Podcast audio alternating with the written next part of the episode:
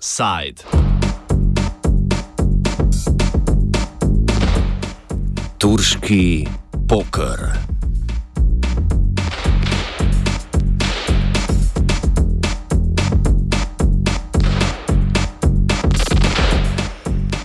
Včeraj so lahko turški državljani na referendumu glasovali o ustavnih spremembah, ki bi parlamentarni sistem spremenile v predsedniškega. Spremembe zajemajo možnost predsednika, da imenuje ministre, više državne uradnike in 12 od 15 članov ustavnega sodišča. Lahko izdaja dekrete, ima nadzor nad državnim proračunom, ustanavlja javne institucije, skliče predčasne parlamentarne ali predsedniške volitve, ter lahko tudi de jure ostane povezan s svojo stranko, parlament pa ima močno omejeno možnost interpelacije.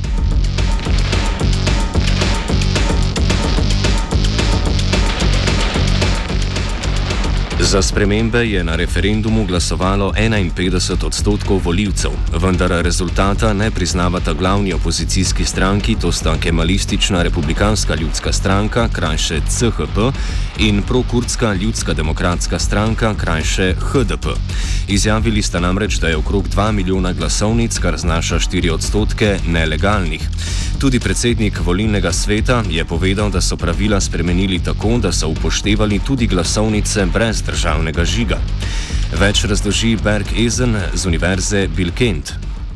Yesterday evening, just as the uh, ballot boxes closed, uh, the uh, spokesperson for the main opposition party suggested that there are nearly 2 million votes that, that whose uh, um, you know, validity have been uh, questioned. So 2 million votes is certainly uh, higher than, than the margin of victory for the for the yes side.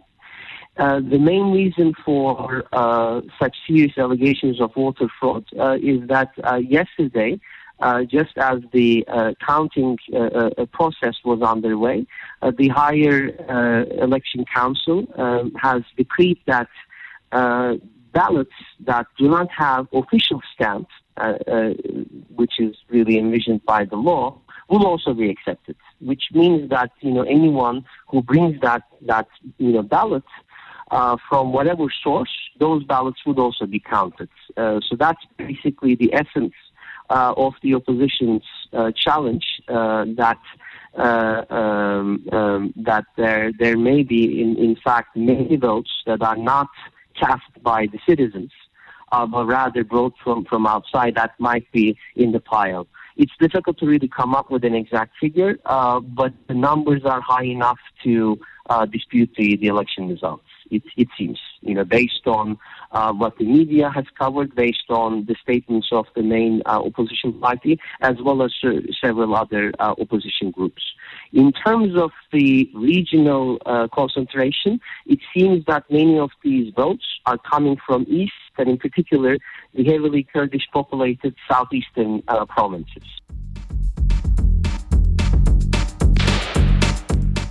V mestih Sirt, Mardin in Batman je volilna komisija članom CHP-ja in HDP-ja preprečila, da bi sodelovali v volilnih komisijah. A tudi pred referendumom je bila kampanja proti spremembam otežena. Več ezen. During the referendum campaign, um, the ruling party um, has uh, um, used state resources in a partisan way to to, to make the, the, the, the no campaign uh, more difficult. What we've seen is that in a number of uh, instances, uh, opposition figures could not find uh, meeting halls to to uh, um, have access to the voters because their events were cancelled.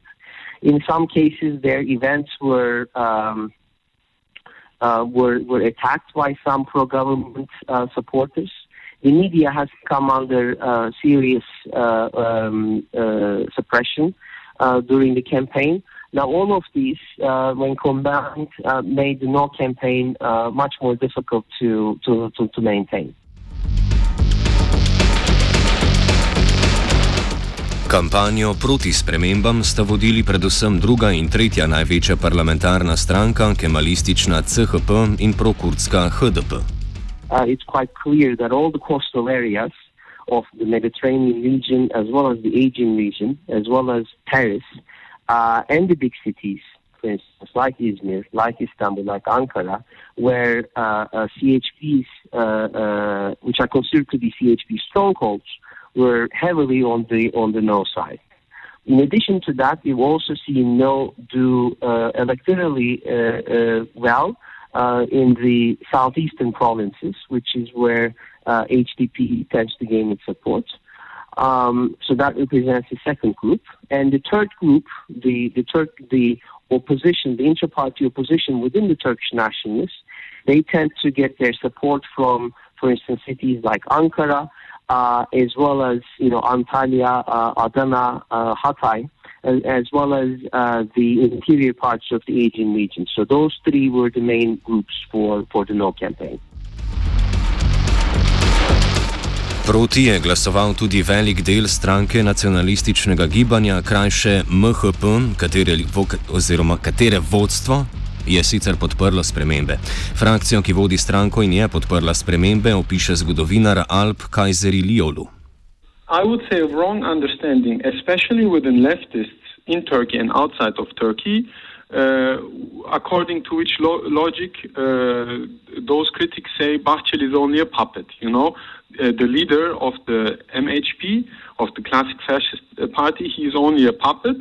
And Erdogan, he has begun the war against the Kurds again, and uh, Bahçeli is an enemy of the Kurdish movement.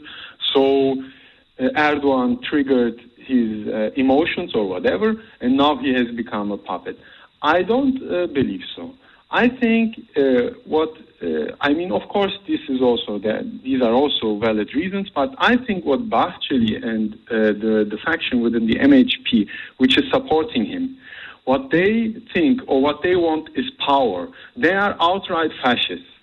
I mean, the MHP is a party which was founded by an army officer who was supporting a fascistic idea of the state, which means you, power united under the executive and uh, a, a, a, very it's a, a nationalist uh, ideology which aims at obliterating anything non-Turkish within uh, within Turkey and everything which is seen to be uh, pan-Turkic, so to say. So uh, these guys and uh, also around Bahçeli who are supporting him, they think they will profit from this kind of an authoritarian, fascistic uh, regime, or let's say a presidential dictatorship, which is more and more going towards what we can call a classic fascistic political uh, structure. And by now, you can already see that uh, the MHP and uh, like uh, important important factions within it, they're getting like seats or um, let's say they're getting important positions within the military because you know that after the failed coup d'état of the last year, there was a massive purge within the military, and uh, I think uh, like sometime around like 60 to 70 percent of all the generals and admirals of the army were in prison. So you need new ones, okay? And there are people filling up these empty slots, and uh, you can be sure it's quite some MHP uh, personnel which is filling up these empty slots. Uh, you can see, for example, that the Prime Minister uh, Binali Yildirim from the AKP, uh, he was very often saying that uh, you know the MHP is consolidating itself in the right-wing camp now, and we will give them most probably minist- ministerial posts after this referendum. Opozicijo glavni frakciji Bahčelija vodi Meral Akšener, ki sicer nima vodstvenih položajev v stranki, ima pa večinsko podporo volilne baze. Ta frakcija je spremembam nasprotovala. So this is an oppositional faction by now. Uh, they have tried to challenge Devlet Bahçeli uh, in the past, uh, within the last one to two years. And they were, and they still are, and we see now with the results in the referendum, they are very strong. I mean, within the nationalist camp, within the MHP camp, they are very strong and they are able actually to lead the uh, nationalist base. They might not be as strong uh, within the state, they might not be as strong in the party, but we can see now clearly that they are leading the base. So they do have a problem with Erdogan. They have two problems actually with Erdogan and the AKP. One of it, they, uh, from the opposite point of view from uh, Bahçeli, they think that this gives Erdogan too much power and they will not be able to control him anymore and that he will be like kind of the dictator. And they're against Erdogan's and the AKP's like personal uh, power ambitions on the one hand. On the other hand, ideologically, uh, so for the nationalist uh, voter and supporter base uh, in the populace of Turkey, uh, Turkism and pan-Turkism is more important than Islam and Islamism. They are also they also approve, of course, uh, Sunni Islam, but they see it as part of a Turkish identity. So as long as it is not part of a Turkish identity, but uh, uh, on the contrary, uh, Sunnitic Islamic identity comes to the fore, then they are against it. Then uh, they see this anti-secular, non-Turkish, and so on.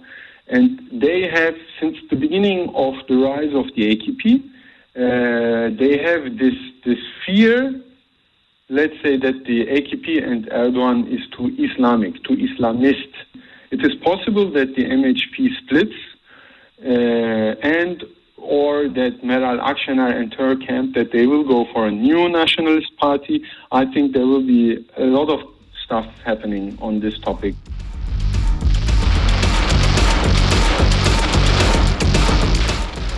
Poleg te frakcije je spremembam nasproto, nasprotovala še manjša patriotska stranka oziroma VP, ki jo vodi Dou Perinček, ki kljub vse tesnejšemu povezovanju z AKP.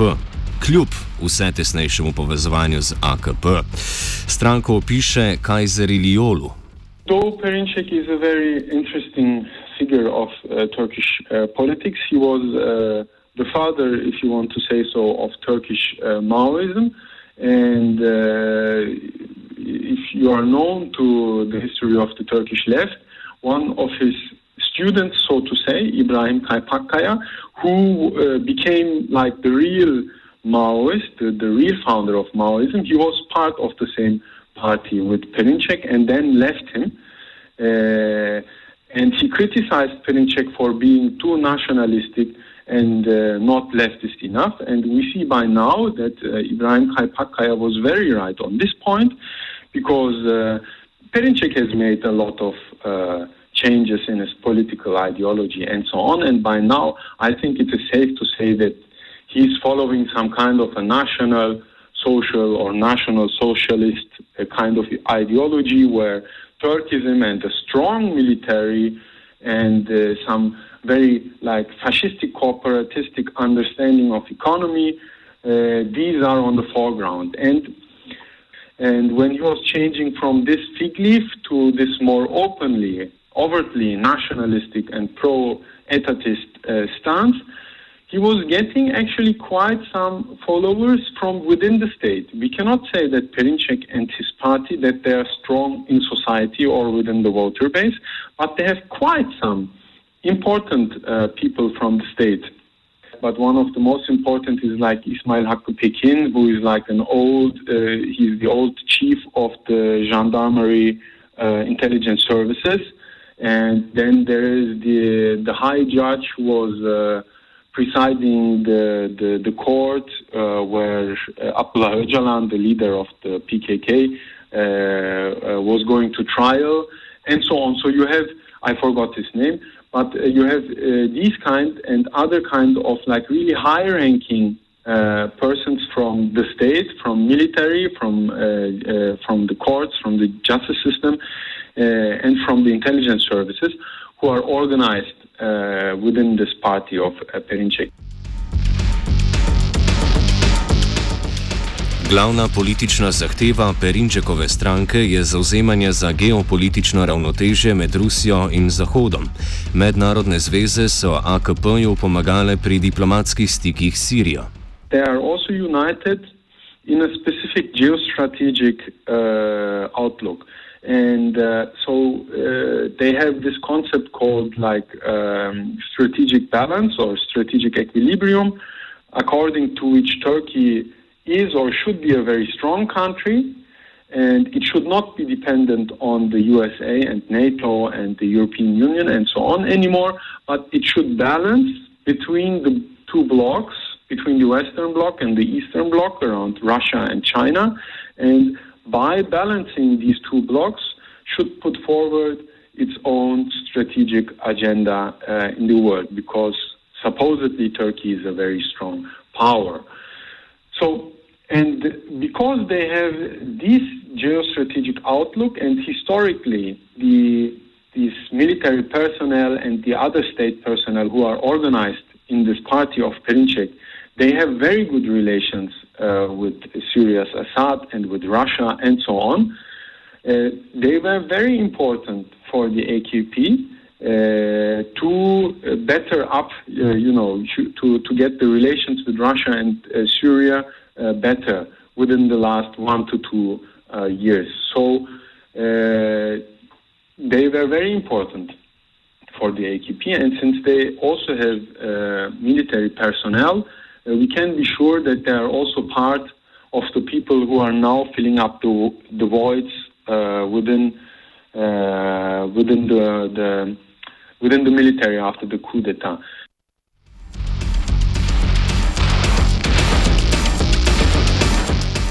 Kljub zmagi na referendumu pa Erdogan še nima zagotovljenega stabilnega položaja. Poleg nestanovitnosti političnih zvez med strankami se Turčija verjetno nahaja na robu ekonomske krize, kljub nekaterim ukrepom, ki jih je pred referendumom izvedel Erdogan, da bi stanje gospodarstva izgledalo bolje.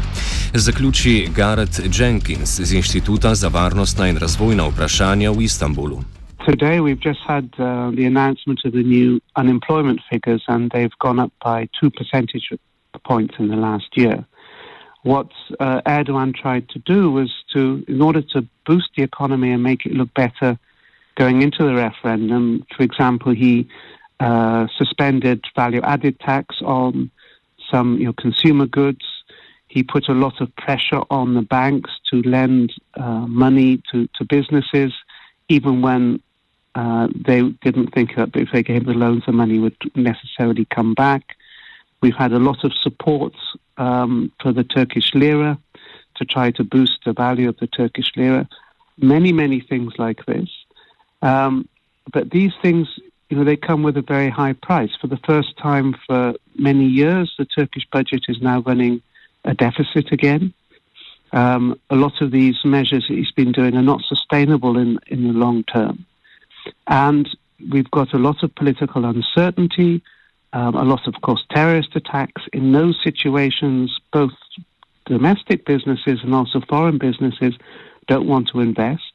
Turkish tourism is also tourism to Turkey, sorry, has also gone down a lot.